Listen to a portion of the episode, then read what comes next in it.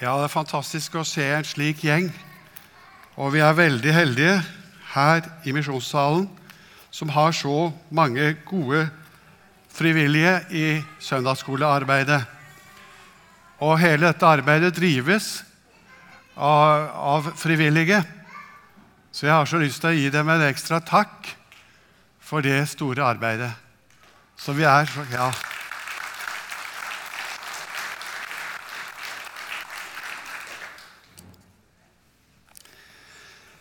Ja, det er sant, Øystein, at det er virkelig grunn til å feire.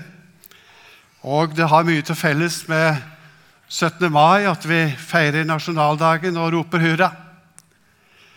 Og når jeg tenkte på denne dagen her, så tenkte jeg på en kar som jeg hørte om, og som var eh, veldig sterkt preget av rusmisbruk og han hadde tenkt å gi opp livet sitt. Han var veldig langt nede. Han gikk på heroin.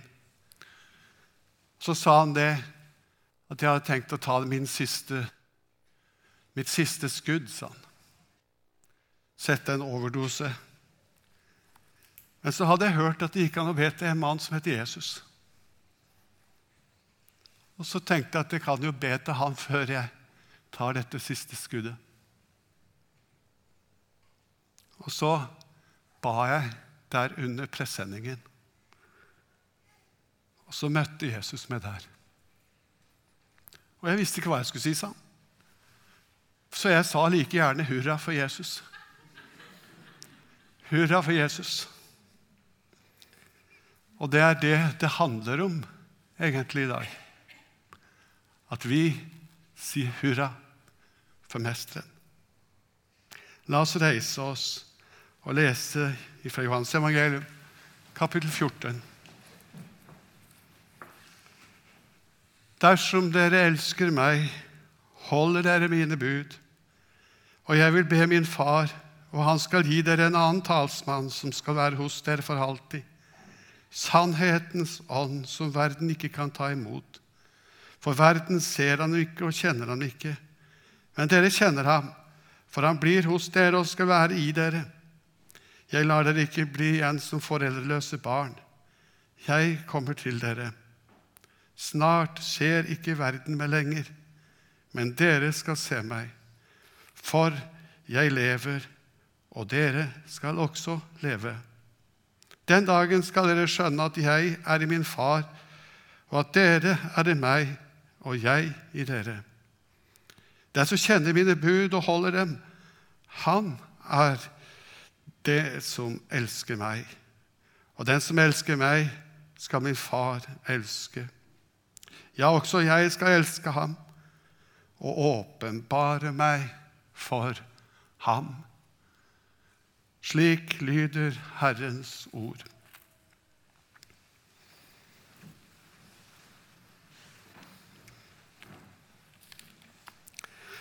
Forelskelse er en følelse.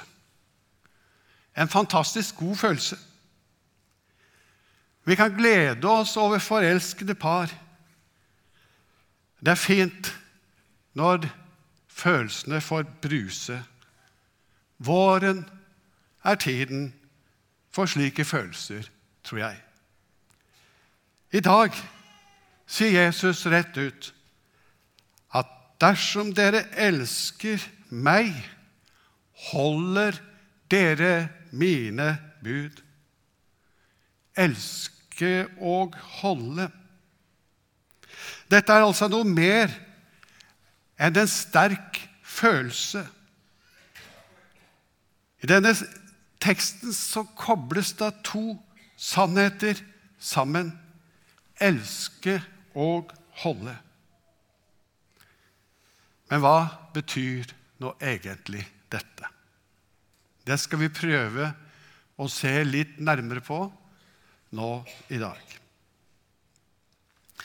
Og Bildet som brukes i Bibelen mange, i mange sammenhenger for å illustrere dette forholdet, det drar nettopp en parallell til det med ekteskapet. I ekteskapet så er det slik at du skal holde deg til. Du skal holde av. Det er slik at du skal forlate far og mor og holde deg til din hustru. Det forteller oss litt om hva det å elske er. Du forlater, og du holder deg til. Trofast, vent imot.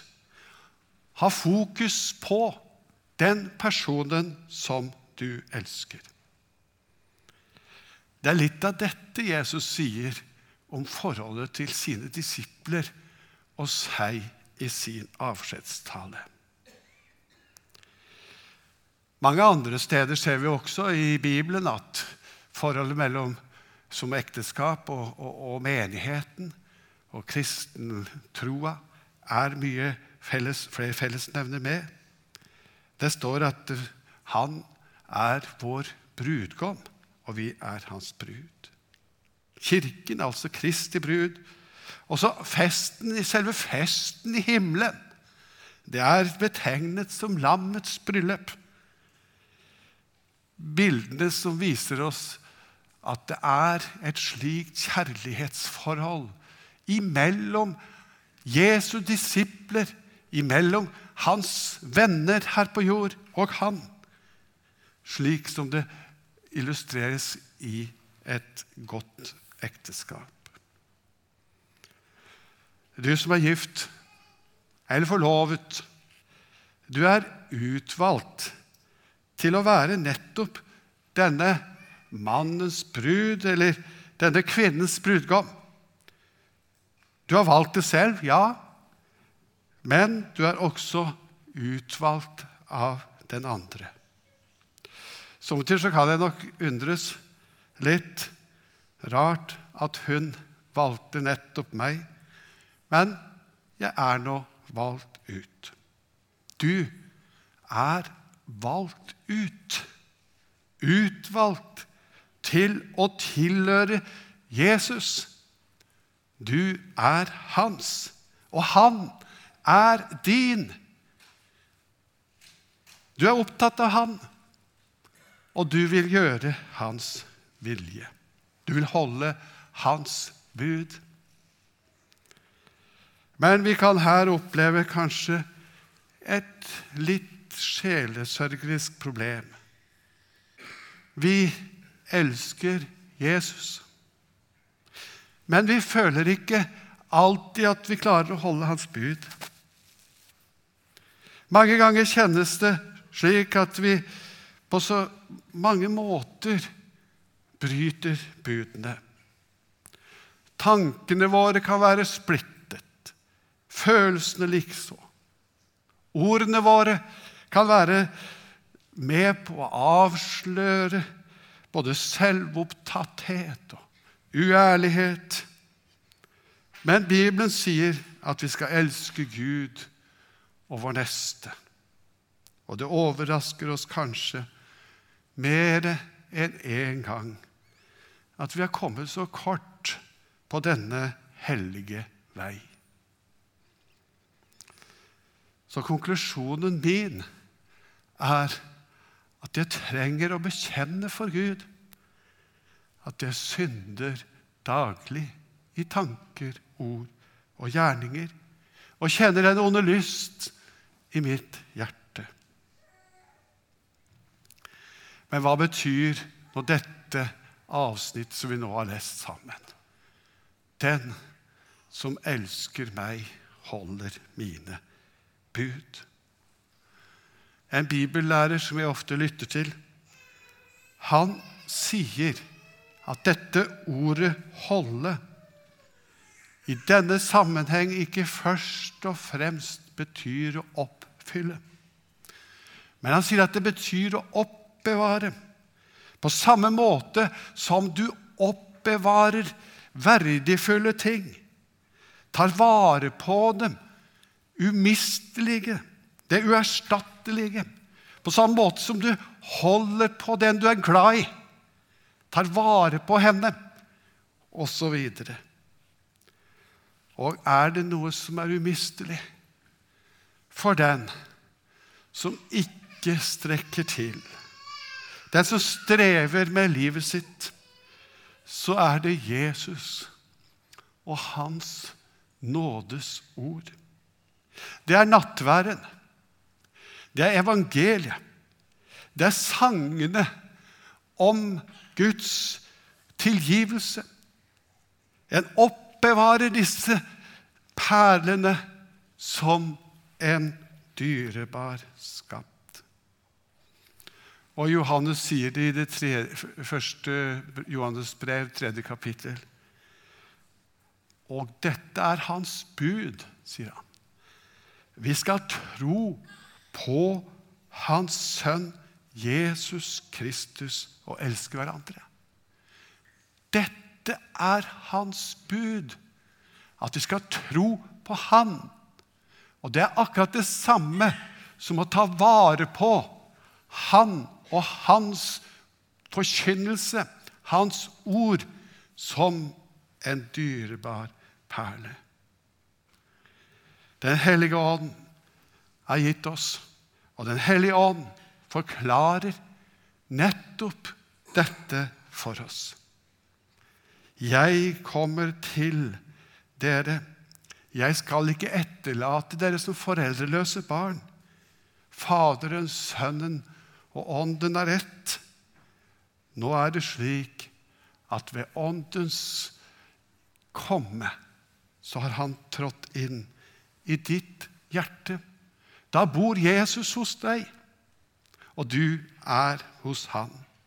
Ånden er den der. Snart ser ikke verden meg lenger, men dere skal se meg, sier Jesus i sin avskjedstale.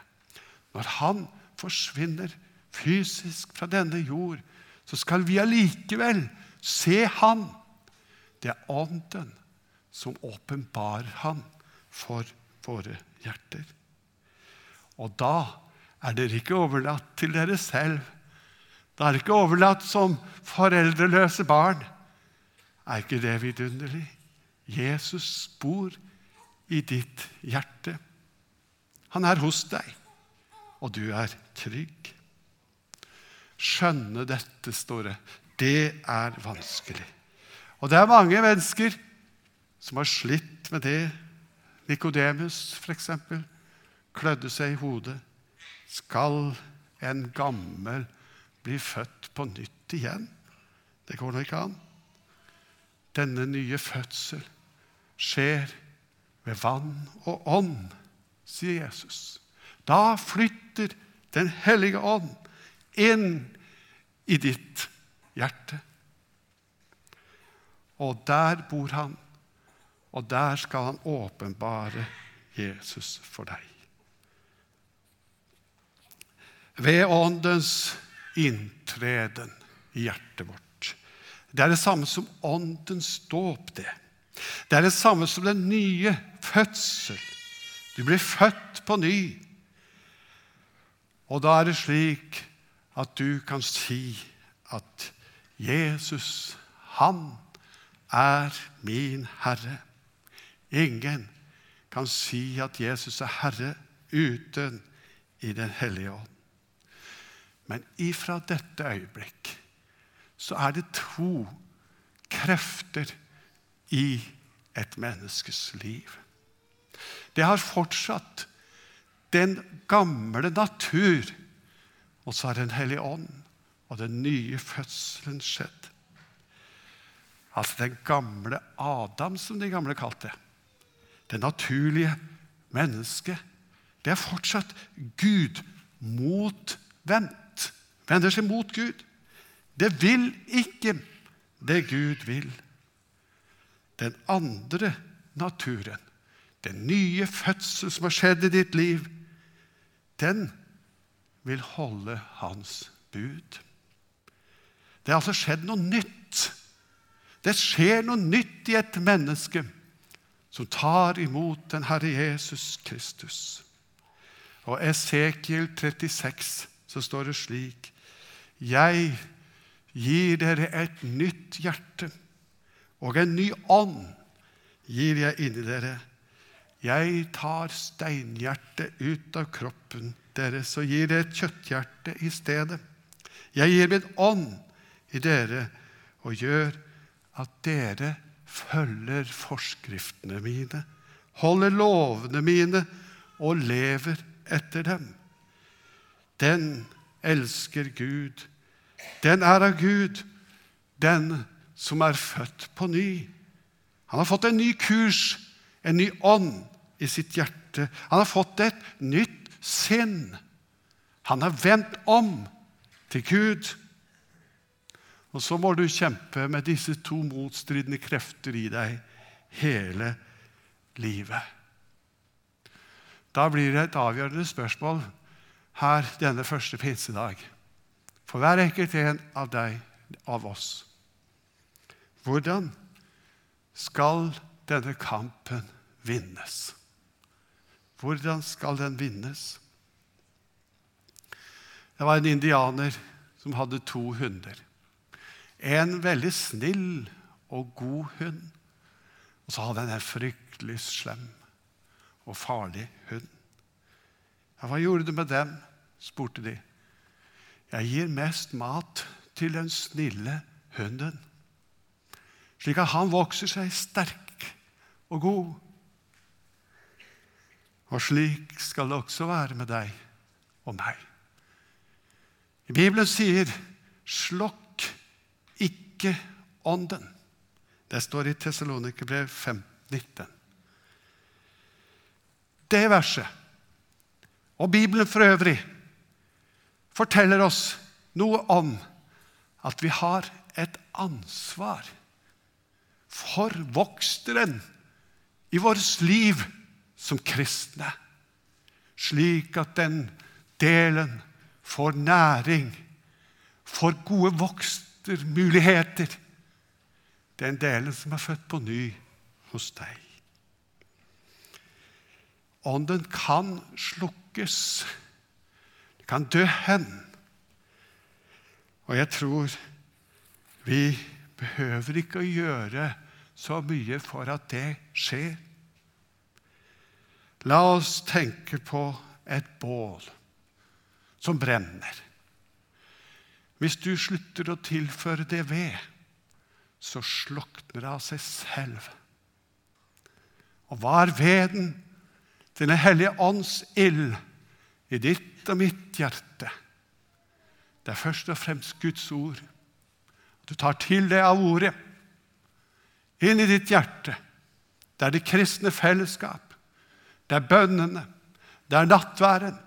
Det er veden som skal dras til bålet, slik at det kan vokse, og at du kan ta dette ordet innover deg. Hvis du ikke gjør det, da slokkes ånden. Da slokkes ånden. En annen ting som eh, er meget alvorlig, og som vi skal tenke over, det er det at hvis du begynner å unnskylde synd unnskylde synd.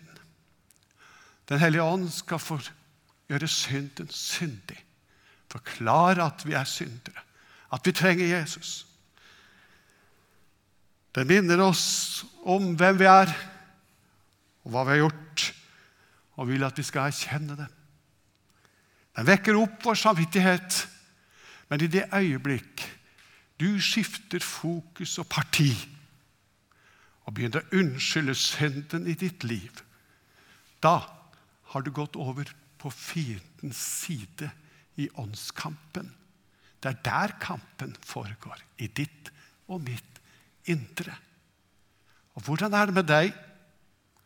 Har du begynt å unnskylde synden? Det var ikke så farlig med den baktalelsen. Det var ikke så farlig med den overdrivelsen og løgnen. Det er jo litt sant i det. Det var ikke så farlig med den at jeg tok det eller det. Da er du i ferd med å flytte over og gi den onde kreftene i ditt liv mat. Og du er i ferd med å slukke ånden. Det er pinsens alvorlige budskap. Når vi snakker om synd Det er noen som sier vi snakker for mye om det, kanskje. Så er det slik at jeg syns vi enkelte ganger Kanskje jeg opplever det sjøl. Vi kan opptre litt falskt. Vi kan si at 'ja, jeg er så veldig stor en synder', jeg. Ja, sa predikanten en gang til en som sa nettopp det da du var på vei til møtet. Jeg hører de sier det, sa han. Hva sier du? sa han. Hvem da? Hvem er det som sier at jeg er en styr, stor synder? Da har han akkurat stått og sagt det selv. Det er en falsk synserkjennelse som kanskje bare er blitt et munnhell uten at det har fått ramme vår samvittighet. Da ble synsbekjennelsen bare en forklaring og en unnskyldning for at jeg er slik jeg er, og gjør de handlinger jeg gjør. Da er det ikke en smerte som trives inn i samvittigheten, slik at jeg står der naken avkledd innenfor Guds ansikt og slår mitt ansikt skamfullt ned. Og jeg kjenner at jeg har brutt ditt bud. Tilgi meg, se nåde til meg. Enhver Det er jeg som sier det slik. Enten stivner vi til i kald vanekristendom og får munnen full av ord og snakk om synd. Men det er bare ord som blir lagt som ei måneskinnskappe om et tørt kristenliv, for synda får lov til å leve i hjertet. Trass i alt snakk om synd, sier han. Jeg tror det er rettere med den som har, som kjenner på ei lita synd som smerter i samvittigheten, enn den som svartmaler alt. Men du merker at det er bare talemåter. Ingenting smerte som ligger på hjertet. Dette kalte de gamle for vanekristendom. Og den form for vanekristendom, der trenger vi en hellig ånds ransakelse inn i våre hjerter. Vi trenger hans nærvær på en slik måte at vi står der innenfor Gud skjelvende og ser at vi er syndere innenfor Han.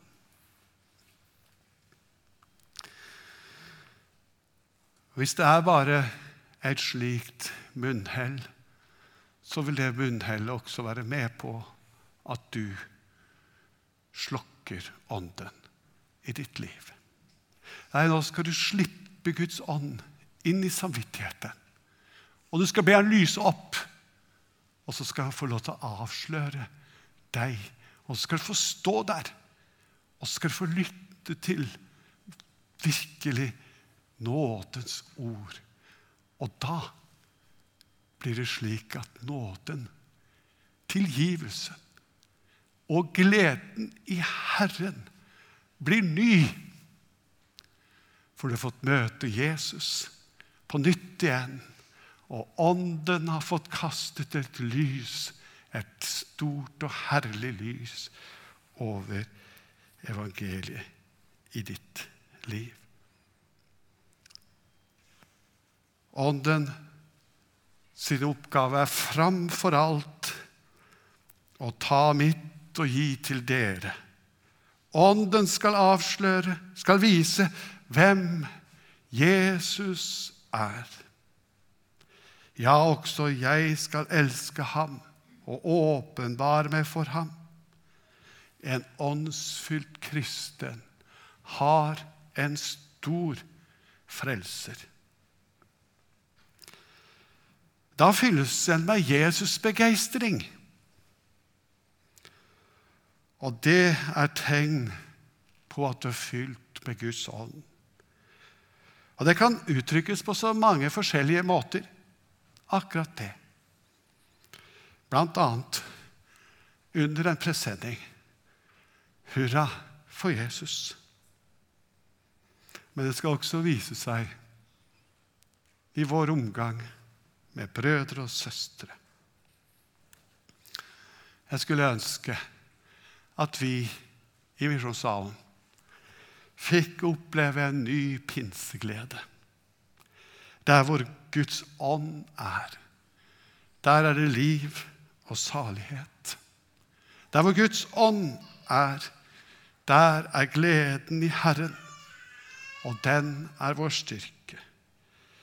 Jeg tror nok at alvorstung og nedstemt kristendom ikke behøver å være tegnet på åndsfylde. Gled dere og fry dere, dere som er i Herren. Dans for Herren i deres hjerter, som det står også etter at den bortkomne sønn var kommet hjem. De hadde slaktet gjøkalven, og den hjemmeværende sønn hørte noe når han gikk hjem. Hva hørte han? I fars hus var det dans og glede. Pinseglede har visjonen vært med og utført og ført til nye folk hele tiden. Og jeg vil nå avslutte min lille preken med dette, og så vil jeg gi dere en utfordring. Nå skal du vende deg til sidemannen, og så skal du ønske vedkommende god pinse. Det er det ene. Og så skal dere få et lite minutt og spørre hvis de vil. Jeg vet at det er vågalt, men hvis du vil, så skal du spørre om det er noe du kan gjøre for at det skal bli enda mer pinseglede i deres liv. Noen få sekunder skal de få på det.